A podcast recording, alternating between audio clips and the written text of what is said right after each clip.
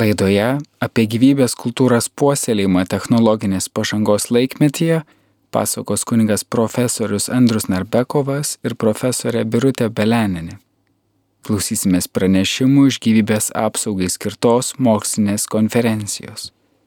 Sveiki visi, iš tikrųjų, iš tų pranešimų, kurie anksčiau nuskambėjo, tokie empiriniai įrodymai. Mano mama išgyveno vos ne šimtą metų, todėl kad šešis sūnus augino. Tai man atsakymas yra. Dabar iš tikrųjų vis kalbam apie tą Jėzaus Kristaus antrąjį ateimą. Ir ten yra pasakyta, sako, bet ar atėjęs į žemę jis dar suras tikėjimą? Ne poterių mūsų klausinės, bet aš galvoju, jis žiūrės, kiek mumise išliko žmogaus kiek mumise išliko žmogiškumo, nes tikėjimas yra tai, kuo mes gyvenam, kaip mes gyvenam. Ir manau, kad šitos technologijos, apie kurias aš dabar kalbėsiu, ypač dėkingas esu prieš tai buvusiems prelegentams, kurie praktiškai sudėliojo visą tai, nuo ko mums reikėtų atsispirti, ypatingai tiems, kurie tiki labiau fundamentiniais mokslais, bet nepažiūri truputėlį, kas vyksta ten aukščiau. Savo pranešimą turiu pasakyti, iš esmės pakeičiau arba jį papildžiau šią naktį, nes ryte radau gerą straipsnį. Nemoksliniam leidinį, bet tuoj pamatysit, ką aš norėjau pasakyti. Čia citatos iš to straipsnio. Šiais laikais medicina gimdymą pavertė medicininė procedūra, kuri kartais vyksta natūraliai. Gimdymas yra natūralus procesas, kuriam kartais reikia medicininių intervencijų.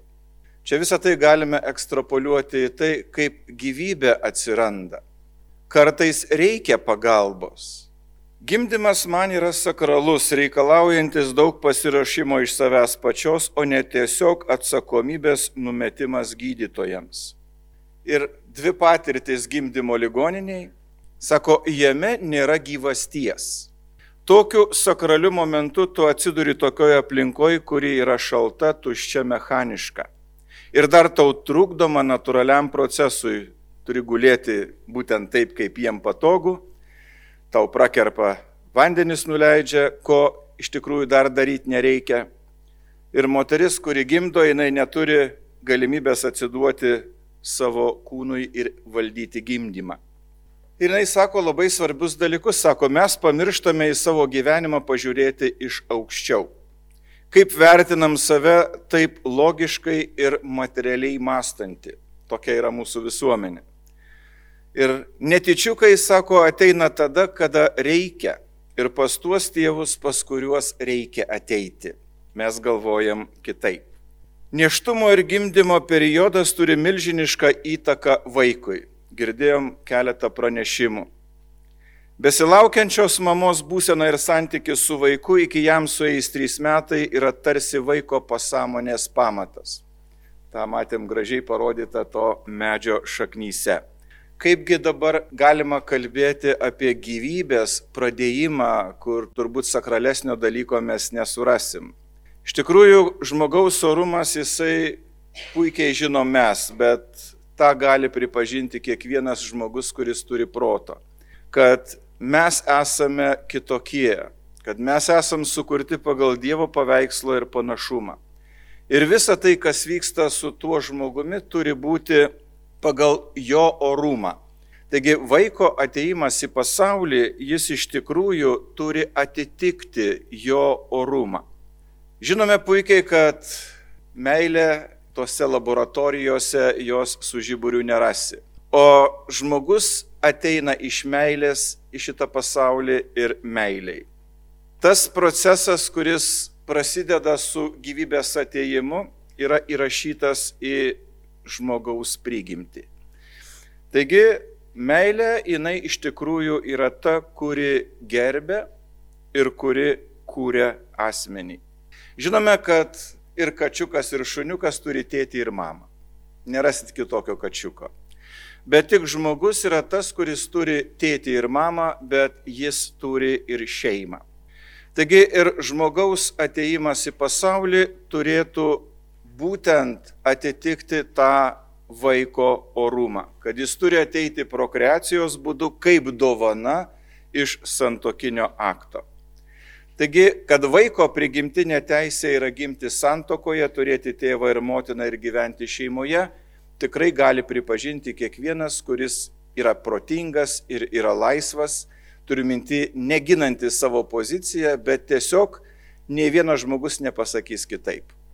Čia galbūt irgi yra žmonių, kur kitaip galbūt yra susiklošiusios aplinkybės, bet nei vienas, nesutikau nei vieno, kuris pasakytų, kad būtų blogai, jeigu būčiau taip atėjęs į pasaulį. Kiekvienas norėtų taip.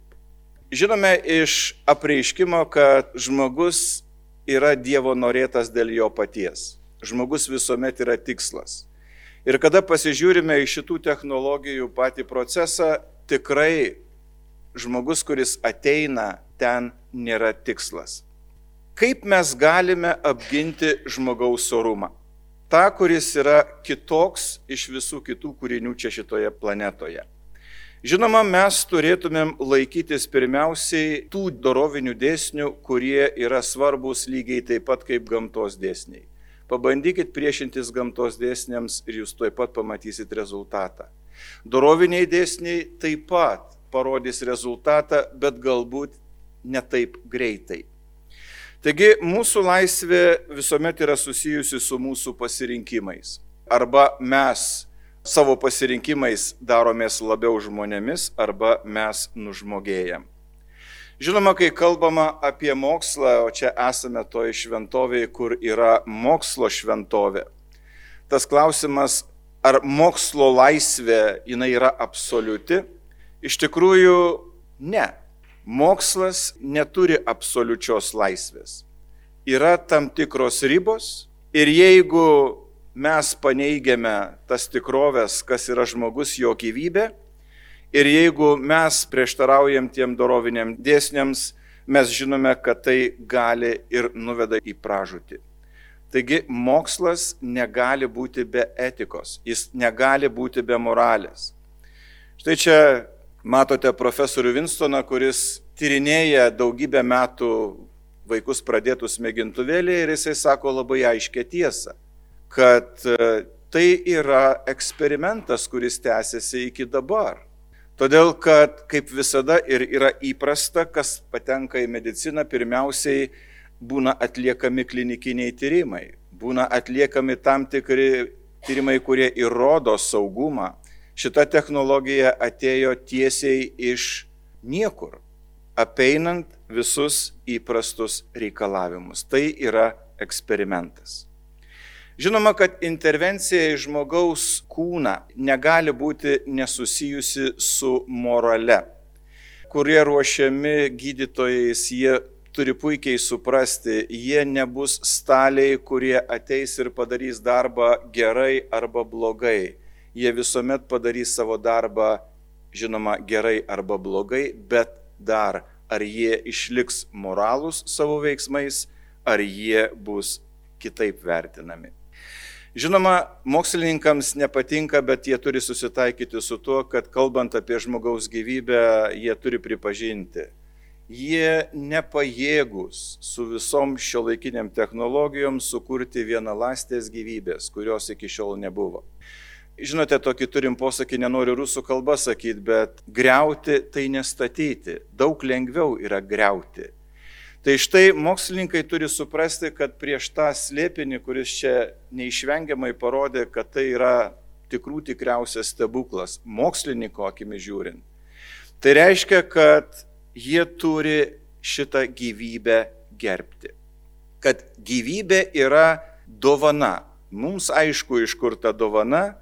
Tai žinoma, jeigu vaikas yra kaip dovana, tai į tą klausimą, ar žmogus turiu minti sutoktiniai, pavyzdžiui, ar jie turi teisę į vaiką. Žinoma, kad neturi. Todėl, kad niekas neturi teisės į dovaną, tu ją gali gauti ir gali jos negauti. Niekas neturi teisės kitą žmogų turėti. Taigi šitos intervencijos, kurios yra susijusios su žmogaus gyvybės pradėjimu, jos yra nepriimtinos ne dėl to, kad jos yra dirbtinės. Kartais girdim argumentą, nieko čia dirbtinio nėra, čia viskas yra natūralu. Kaip apie kontracepciją išnekant, sako, čiagi visos medžiagos natūralios, čia nieko dirbtino nėra.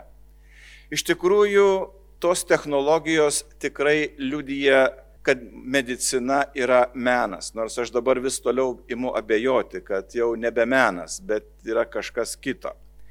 Tačiau mes turime suprasti, kad žmogaus gyvybės atsiradimas turi atitikti tai, kad jis ir jo orumą, kad jis ateina būtent kaip dovana į šitą pasaulį. Čia tokia mažutė ištraukėlė parašiau iš e, vienos gydytojos chirurgės, mano mokytojos, galiu sakyti, periferijoje dirbančios, rašė tokį apsakymą, buvo tokie žodžiai, rašė apie operacinę kaip šventovę. Ir kada tu ateini į operacinę, tai operacinis stalas yra kaip altorius. Aš galvoju, tokie gydytojai turi ateiti į tai, kur yra to šventovės.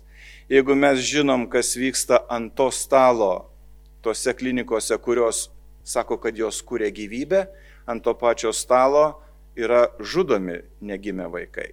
Vėlgi evangelinis palyginimas, kur Jėzus susisukęs rimba iš šventovės varė tuos, kurie ten buvo netitinkantis tos vietos sakralumo. Manau, kad čia yra nelaimė, kada tokie į tą šventovę ateina. Bet būtų geriau, kad jie ir suprastų, kad tai yra šventovė. Na žinoma, čia reikėtų tik paklausti vieno klausimo, ar mes norime būti pagimdyti, ar mes norim būti padaryti. Jeigu lietuviai sako padaryti, jie kitaip dar galvoja, bet turiu mintį, ar mes norime būti pagimdyti, pradėti, ar pagaminti laboratorijoje. Ir štai mes matome du labai skirtingus procesus, kada vaikas ateina į pasaulį, kada jis yra atitinkantis jo orumą ir tos technologijos, kuriuose jis yra raidiškai kaip produktas. Sukūrime iš meilės ir meiliai sutoktiniai kaip dovanos susilaukia savo palikuonio, kaip dovanos susilaukia vaiko. Matėm, kaip tai yra svarbu tuose procesuose, kur ta gyvybė rutuliojasi. Baisu net ir įsivaizduoti, kaip tas embrionas, kuris užšaldytas daugybę metų, kokie ten tie procesai, kaip jie ten rutuliojasi. Pagaliau pasižiūrėkime, toje gamyboje žmogus yra labai nužmoginamas. Čia yra tik tai tie, kurie kažką pagamina, tie, kurie duoda lytinės lasteles, jie yra tik reproduktoriai, bet kaip tada su tėvystė. Pagaliau ir lyčių lygiavertiškumas labai pasikeičia. Jeigu kalbėsim apie tolesnį technologijų vystimąsi ir kad žmogus atsiras, tarkim, klonavimo būdu, tai turėtumėm suprasti, kad iškyla egzistencinė problema vyrams, jie iš viso nebebus reikalingi. Na, būtiniam naudojimui taip, bet vaikų pradėjimui jų nebereikės. Taigi prokreacijoje mes matome, kad visa tai, kas vyksta, kyla iš to, kad žmogaus orumas yra būtent toks ir medicina turėtų labai aiškiai tai įvertinti, kad tai yra ne jų padarytas dalykas. Reprodukcijoje, kaip matome, santokinio akto iš viso nebelieka. Ir tas, kas gimsta, nebėra jų vaisius medicininis veiksmas jisai ne tai, kad pasitarnauja su toktiniams, kurie dėl įvairių priežasčių negali susilaukti vaikų, bet juos iš viso pastumia, jie nebėra reikalingi. Svarbu būtų pagamintos litinės lastelės. Tai aišku, su toktiniu orumui, ką mes galėtumėm pasakyti, vaiko orumui, pagaliau, kur tas vaikas auks, dabar surogatinė motinystė, vaikai yra tiesiog perkami ir parduodami. Savaime suprantama, reprodukcijoje dinksta tas supratimas apie vaiką kaip dovaną. Čia žinoma yra kalbama apie tai, kad pildomi tėvų norai, jie nori ne bet kokio vaiko, o tokio, kokio jie nori vaiko, Taigi tos sąlygos yra labai aiškios ir pagarbos vaikui savaime suprantama nebeišlieka.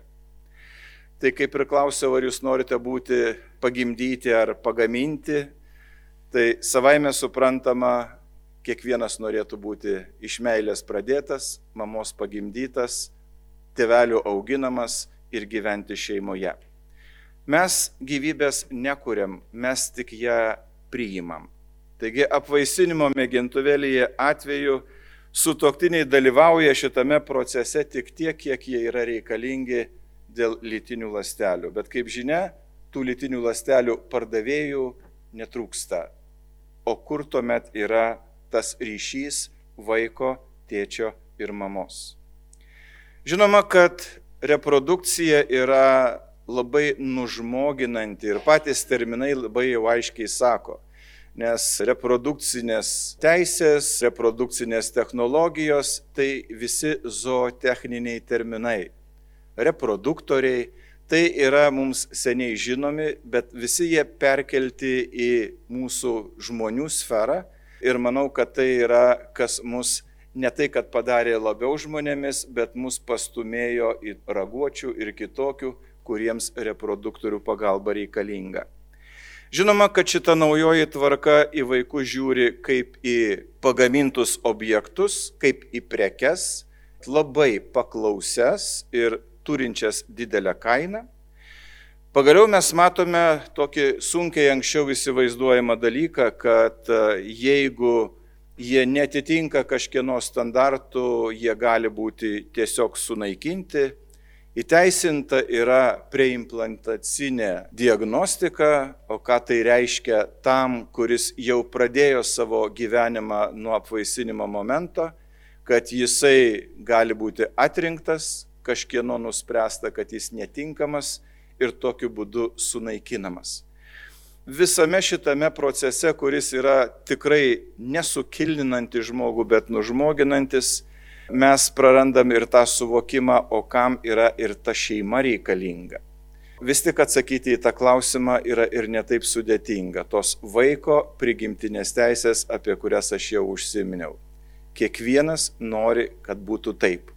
Tai ir profesorius Veryga, kai sakė, nu neteisinga yra sakyti ir pasiūlyti kitam to, kas tau pačiam būtų buvę pražutinga. Nežinau, kaip jaučiasi tie, kurie būtent vykdo tuos procesus ir jiems ta žmogaus gyvybė, čia vienu daugiau ar mažiau, čia klinikinis atvejis ar ne, bet mes kalbam apie sakralius dalykus. Čia nėra atvejai, čia yra atskiros žmogaus gyvybės, atskirų žmonių gyvenimai ir štai kiti jaučiasi gali daryti tai, kaip jiems atrodo ir nuspręsti dėl šitų žmonių likimo ir jų ateities. Pabaigsiu irgi jau kaip kunigas apie tą pasaulio pabaigą, nes čia daug buvo kalbama iš tikrųjų. Man patinka šių laikų mąstytojo Luiso toks įsivaizdavimas apie pasaulio pabaigą. Jisai sako, jeigu jūs žiūrite spektaklį ir pagaliau pabaigoje jūs pamatote, kad išėjo režisierius arba išėjo piesės autorius, tai jūs ką suprantat? Kad jau spektaklio pabaiga. Tai kuomet mes pamatysim tą režisierių laikų pabaigoje, bus spektaklio pabaiga. Bet mums reikia suprasti, kad to mums bijoti nereikia. Pasaulio pabaiga nebus, kad čia viskas tik išsikvėpė, baigėsi resursai, pišt ir pasaulis sunyko, subliuško ir iš to nieko neliko. Ne tai bus. Tas režisierius, manau, tą padarys ypatingų būdų ir tokiu, kuris mums bus kaip žmonėms, manau, toks, apie kurį mes užtat ir įsivaizduoti negalim. Bet jis kontroliuoja tą procesą. Ne šitie veikėjai, kurie čia tą daro, ne kažkas, kurie daro ir tokius dalykus, kurie gali sukelti katastrofas, ne jie yra režisieriai. Taigi, laukim ir dirbkim, nebijokim, nebijokim sakyti, nors tos prieš priešos labai daug mes ir sutiksim, bet paskui bus daugiau ar mažiau aišku. Labadiena, mėlyjeji. Tai truputėlį nusileisim ant žemės ir paliesiu klausimą iš tikrųjų, kas yra mokslas. Ar reprodukcinė industrija remiasi iš tikrųjų šito mokslu? Turėdama galvoje reprodukcinė industrija, aš turiu labai daug ką pradedant nuo lytinio švietimo, visą hormonę kontracepciją, visas pagalbinės technologijos apvaisinimo, abortai ir taip toliau. Tai yra didžiulis konglomeratas, generuojantis didžiulius pinigus. Vos tik tai pasirodė projektas Seimo nario Kukuraičio, iš karto pasipylė tam tikrų moterų organizacijų priekaištai, kad moters teisė į nešališką ir mokslų grįstą informaciją apie neštumo nutraukimą. Taigi pasižiūrėkime apie tą informaciją, kuri žiniasklaidoje ir ar gydytojai, mokslininkai, kurie turėtų suteikti tą informaciją, ar jinai iš tikrųjų yra mokslų grįsta. Taigi pirmiausia, pradedant nuo to, pirmas dalykas, kas parodo, kad tai yra mokslas, tiksli terminologija yra mokslo kalbos pagrindas. Terminas atitinka turinį, kuris į jį įdėtas. Kitas dalykas, savokų paaiškinimas yra labai svarbus siekiant patikslinti moralinį veiksmų pobūdį. Taigi, terminologija. Aplamai kalba nėra tik komunikavimo priemonė. Kalba kūrė realybę ir būtent kalba keičia pasaulyje žiūrą ir vertybės. Tai yra pasaulio pažinimo apmąstymo ir saugojimo atmintyje įrankis. Ir kitokios tikrovės nei kalbinė ir nėra. Juk didžioji patirties dalis yra perkošiama per kalbos filtrą ir mūsų suvokiami dalykai egzistuoja tik todėl, kad jie gali būti įvardomi ir apmastomi. Įvyko didžiulė terminologinė slinktis žmogaus gyvybės pradžios rytyje. Žmogaus gyvybės pradžia nuo implantacijos neplanuotas neštumas, saugus abortas, vaistinis abortas ir taip pat kontracepcijos terminijoje. Pokytis žmogaus gyvybės pradžios apibrėžime, mes žinom ir dabar prieš tai buvusiam pranešime, jeigu dar kas nors netikėjo, tikrai įrodyta, kad mokslo įrodyta, jog žmogaus gyvybė prasideda nuo apvaisinimo momento. Tačiau naujus apibrėžimus medicinos rytyje įvedė Amerikos akušerių gynekologų kolegijos terminologijos komitetas, kad pastojimas apibrėžiamas ne kaip kiaušialastės apvaisinimas spermatozoidų, o kaip blastocistos implantacija. Kitaip sakant, neštumas prasideda nuo implantacijos. Kodėl toks buvo padarytas pakeitimas? Todėl, kad kontracepcija būtų priimama patogiai. Tai yra kontracepcija yra skirta apsisaugoti nuo neštumo. Būtent pateisinti šitą terminą buvo pakeistas neštumo pradžia nuo implantacijos. Tačiau pačios kontracepcijos terminas taip pat tada netitinka, todėl kad kontraceptijoje yra prieš pastojimą. Tai šiuo atveju yra prieš implantaciją. Pasikeitė ir kontracepcijos supratimas. Antras dalykas apie neštumą dažniausiai kalbama neigiama nuostata ir tai taip tapo įprasta, kad tai ne tik medikų kalboje, tai yra ir mokytojų kalboje, žiniasklaidos kalboje. Tiesiog mes vartojame šitą kalbą, patys nesusimastydami, ką tai reiškia. Nelauktas neštumas, netikėtas neštumas, neplanuotas neštumas, apsauga nuo neštumo, neštumo prevencija, apsisaugoti nuo neštumo lytiškai plintančių lygų, abortas saugiau nei neštumas ir gimdymas. Pastarajam terminui skirsim šiek tiek daugiau laiko. Ir tas neigiamo neštumo supratimas jisai prasideda jau nuo mokyklos suolo. Mes aptikom net penktos klasės vadovėlyje vaistai nuo neštumo, tokį terminą. Čia naujausia analizė padaryta tarptautiniam lytinio švietimo gairiams, kurios yra sukurtos keletos jungtinių tautų organizacijų. Šituose gairėse net 60 procentų informacijos apie neštumą yra neigiamam kontekste. Didžiausias tekstas, kuris yra padarytas vertinant šitą tekstą, šito kontekstu, buvo padarytas su kompiuterinė programa MaxQDate. Ir didžiausias tekstas rodo, koks dažniausiai pasitaikantis kontekstas. Taigi dažniausiai pasitaikantis kontekstas, kalbant apie neštumą, tai yra neštumo sutapatinimas su lytiškai plintančiam infekcijom. Taigi neplanuotas neštumas iš tikrųjų rinkodarinis terminas. Ir dauguma neplanuotų neštumų įvyksta dėl to, kad nenaudojamas kontraceptinės priemonės, taip galvoja iš tikrųjų demografai, arba jos naudojamas netinkamai ir nenuosekliai.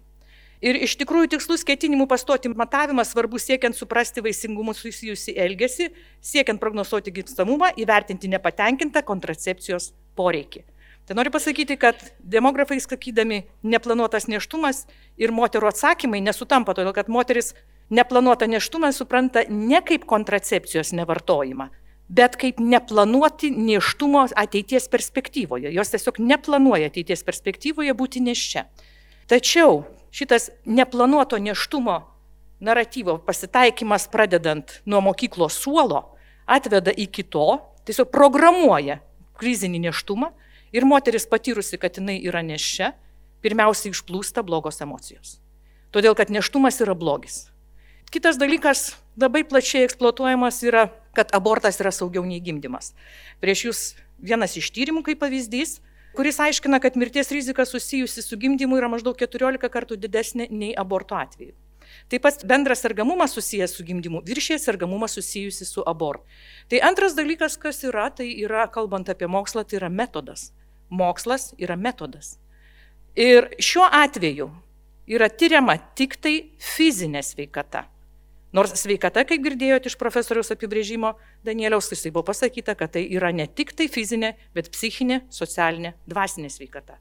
Kitas pavyzdys taip pat, kuris rodo metodą ir, kaip pasakyti, nu jau čia yra jokingai.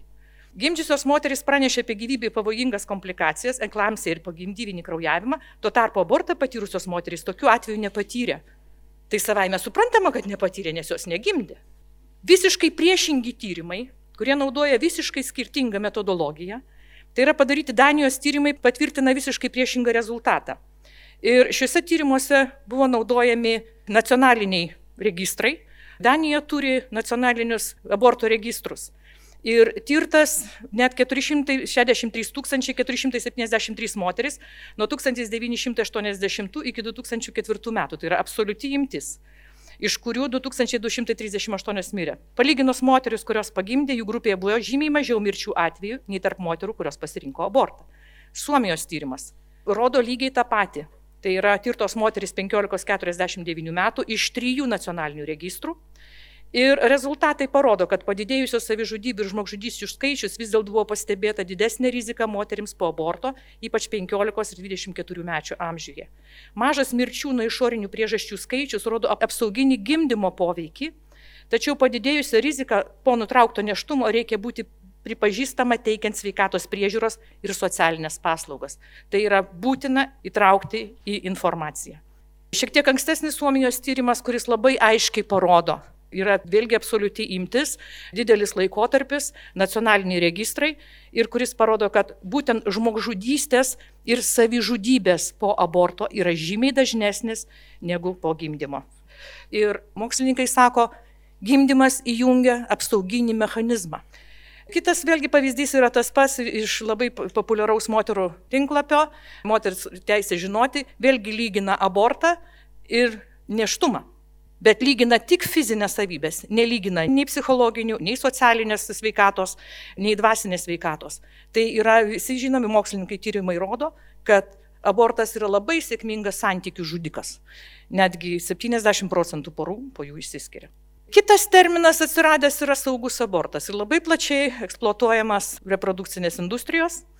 Jį suformulavo Pasaulinė sveikatos organizacija Nesaugus abortas apibrėžiamas kaip neplanuoto neštumo nutraukimo procedūra, kurią atlieka arba asmenys neturintys reikiamų įgūdžių, arba aplinkoje netitinkančioje minimalių medicininių standartų, arba ir viena ir kita. Jeigu palygintumėm šitą apibrėžimą su mūsų baudžiamojo kodekso 142 straipsnio neteisėtų abortų, rastumėm lygiai tą patį kad tai yra neteisėtas, jeigu atliekama specialisto, kuris neturi tam teisės, arba nemedicinos įstaigoje, arba vienas ir kitas. Taigi klausimas, kodėl vietoj nelegalus staiga pradeda vartoti saugus? Tas, kas sugalvojo šitą terminologiją slinkti, buvo gana protingas, todėl kad žino, jog pagrindinis poreikis moters yra saugumo poreikis. Todėl sakyti saugu yra patogiau. Tiesiog tam, kad abortą padarytumėm daugiau priimtinų. Vaistinis abortas. Ministro naujas įsakymas, kuris įsigalios nuo 1 sausio kitais metais, reikia pasakyti pirmiausia, kad jis neturi įstatyminio pagrindo, tai yra jo įsakymas.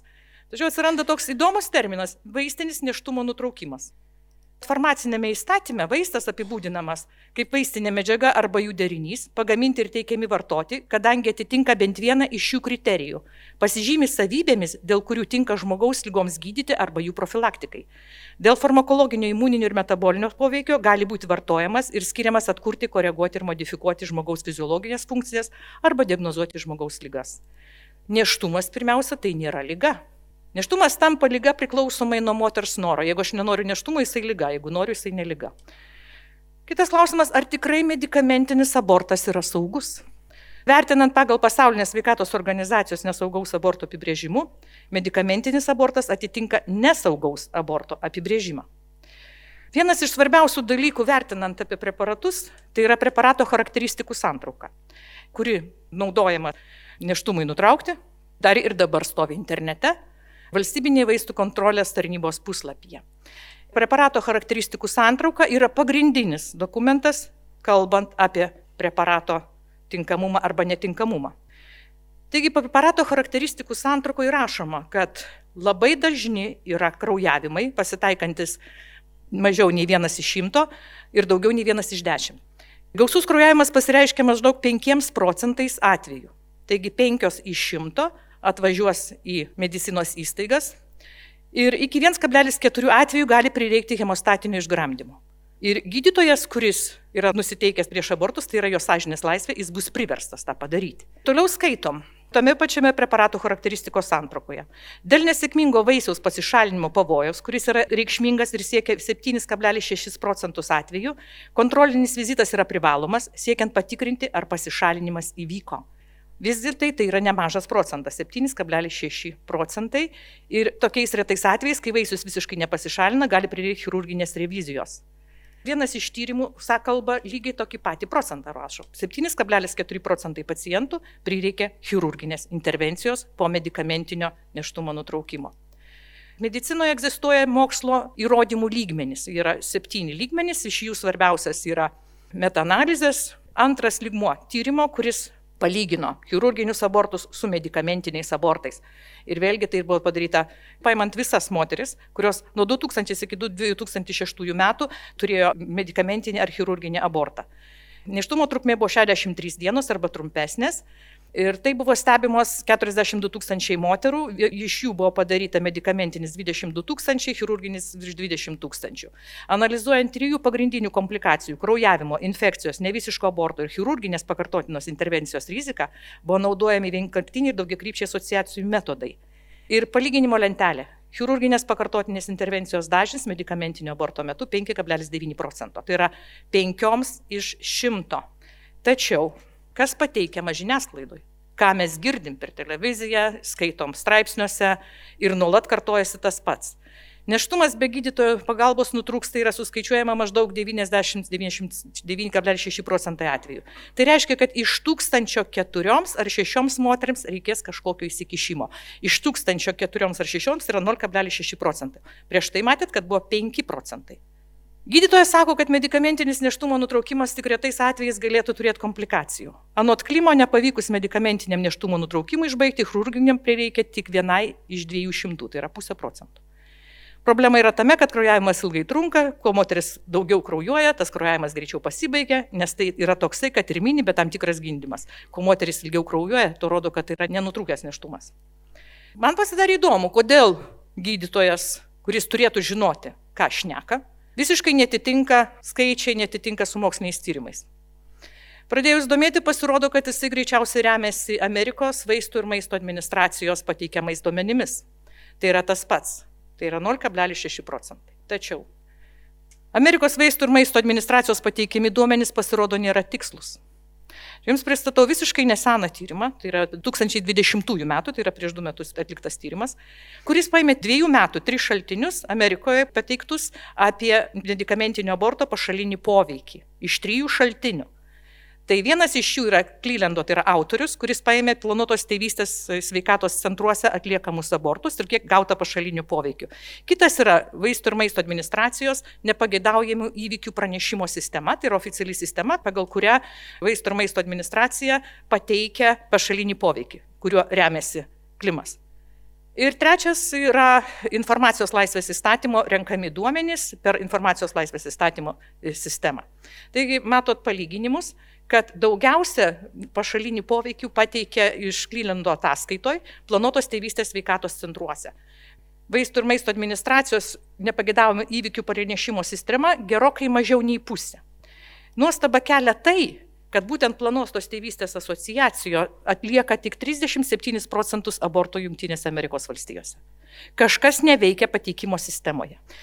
Šitame straipsnėje yra nagrinėjama absoliučiai viskas. Priežastis, kodėl neveikia, kurioje vietoje stringa, kodėl pateikiamos vieni, kodėl pateikiami kiti. Ir labai klausimas didelis, kodėl neįtraukta to paties planuotos tėvystės administracijos pateikiamos medicamentinio aborto nepageidaujamos reakcijos. Ir išvados yra tokios, kad yra labai didelis netitikimas tarp bendro 2009 ir 2010 mifepristono aborto nepagėdaujamo atveju ir kad grečių atvejų, apie kuriuos pranešta šituose trijuose šaltiniuose. Dėl šitų netitikimų Amerikos maisto ir vaisto administracijos sistema yra netinkama mifepristono aborto saugumui įvertinti. 2021 metais Amerikos vaistų ir maisto agentūra pakeitė rizikos įvertinimo ir mažinimo strategiją medicamentinio aborto vartojime. Ankstesnėse šios strategijos versijose, patikta 2016, buvo griežtas reikalavimas, kad medikamentai sukeliantis abortą gali būti išduodami tik klinikose, gydytojų kabinetuose ir ligoninėse sertifikuoto sveikatos priežiūros paslaugų teikėjo arba jam prižiūrint. Šita pastaba išmesta ir 2021 metais naujoje versijoje yra pakeičiama. Vaistinės išduodančios preparatą turi būti sertifikuotos. Kitaip sakant, keičiasi teikėjas paslaugos iš klinikų, sveikatos priežiūros įstaigų į vaistinės. Vaistinėse atsiras nauja paslauga - vaistinis abortas. Taip pat 2016 metais Amerikos vaistų ir maisto administracija panaikino reikalavimą pranešti apie nepageidaujamus įvykius atsiradusius dėl mifepristono išskyrus mirtį. Taigi, kodėl medikamentinis abortas pateikiamas patraukliau nei yra iš tiesų? Kodėl tai yra patraukliau? Aišku, aš pateikiu rinkodaros apibrėžimą. Mes visi dalyvaujame rinkodaroje. Nes tai yra valdymo funkcija organizuojanti ir orientuojanti komercinę veiklą, susijusią su perkamosios galios įvertinimu ir jos pavertimu efektyvę paklausa, padedanti pasiekti numatyto pelno ar kito kompanijos iškelto tikslo. Tai yra paversti preke efektyvę paklausą. Kitaip sakant, valdyti paklausą tai reiškia ją skatinti, paveikti ir reguliuoti. Paklausą galima skatinant, sužadinant vartotojų norą įsigydinti būtent tai, ką siūlo firma. Ir tą galima padaryti patraukliai apiforminant produktą, o šiuo atveju patraukliai parodo jo savybės, kurių iš tikrųjų nėra ir kurios netitinka mokslo duomenų. Abortas tampa prieke, kurią reikia patraukliai pristatyti, išryškinant geriausias jos savybės. Nuo mažens mergaitės girdi, kad neštumas yra labai pavojinga būsena moters sveikatos ir aplamai bloga būsena. Nežinau, ar tai susiję ar nesusiję, bet Lietuvos mokyklose pasipylė atvejai, kada mergaitės nori būti berniukais. Ir tokiu atveju daugėja. Tai jeigu tu girdi, kad tai yra blogai, kad tai yra blogis, vaisingumas yra blogis, kurį reikia stabdyti, neštumas yra blogis, tai aš nenoriu būti tada moterimi. Taigi neštumo reikia vengti bet kokią kainą. Ir aišku, tam tinka moderni kontracepcija. Jeigu jums įdomu, kas reiškia žodis moderni, tai nieko bendro neturi su žodžiu efektyvi, nieko bendro neturi su, neturinti šalutinių poveikių. Moderni kontracepcija pagal dabartinį apibrėžimą naujausia tai yra tokia, kuri leidžia žmonėms mėgauti seksualiniais malonumais, kada jie nori. Tai yra žodis moderni. Ir aišku, saugus abortas, jeigu nesuveikia ta moderni kontracepcija. Ir tai yra tarsi medicinos mokslo pažanga. Primenant vaistų rinkodaros etikos kodeksą, labai gaila, kad jisai tik tai galioja vaistų gamintojams, nes jie ir priemė šitą kodeksą, atnaujino 2020 metais. Ir vienas iš jų punktų skelbia, kad ypač reklaminiai teiginiai susijęs su nepageidaujamus reakcijomis turi būti pagristi turimais įrodymais ir klinikinių tyrimų išvadomis. Klinikinių tyrimų išvadomis, primenu, yra įkeltos į preparato charakteristikos santrauką. Todėl kodekse rašoma, kuri jau yra patvirtinta vaisto charakteristikų santraukoje. Vaistams apibūdinti niekada neturi būti vartojama žodis saugus, nebent tai būtų tinkamai pagrysta. Tai šiuo atveju pateikti mano pavyzdžiai rodo, kad tai visiškai nepagrysta. Ir vietoj išvadų mes susidurėme su tam tikra pilkaja rinkodaros zona, kuriai negaliojo jokios taisyklės, kuriai negali prikirpti pagal jokį įstatymą nei reklamos įstatymą, nei farmacijos įstatymą. Etikos kodeksai galioja tik tai tai žmonių grupiai, kurie jie prisėmė ir tai yra etikos, moralės dalykas. Bet įstatymų tai nepatvirtinta. Taigi mes įstatymų draudžiame reklamuoti alkoholį, tačiau visiškai nedraudžiama viešai skelbti klaidinančius faktus apie preparatus susijusius su žmogaus gyvybė ir galinčius labai rimtai pakengti moters sveikatai. Ačiū uždėmesi apie gyvybės kultūros puoselėjimą technologinės pažangos laikmetyje pranešimus sakė kuningas profesorius Andrius Narbekovas ir profesorė Birutė Beleninė.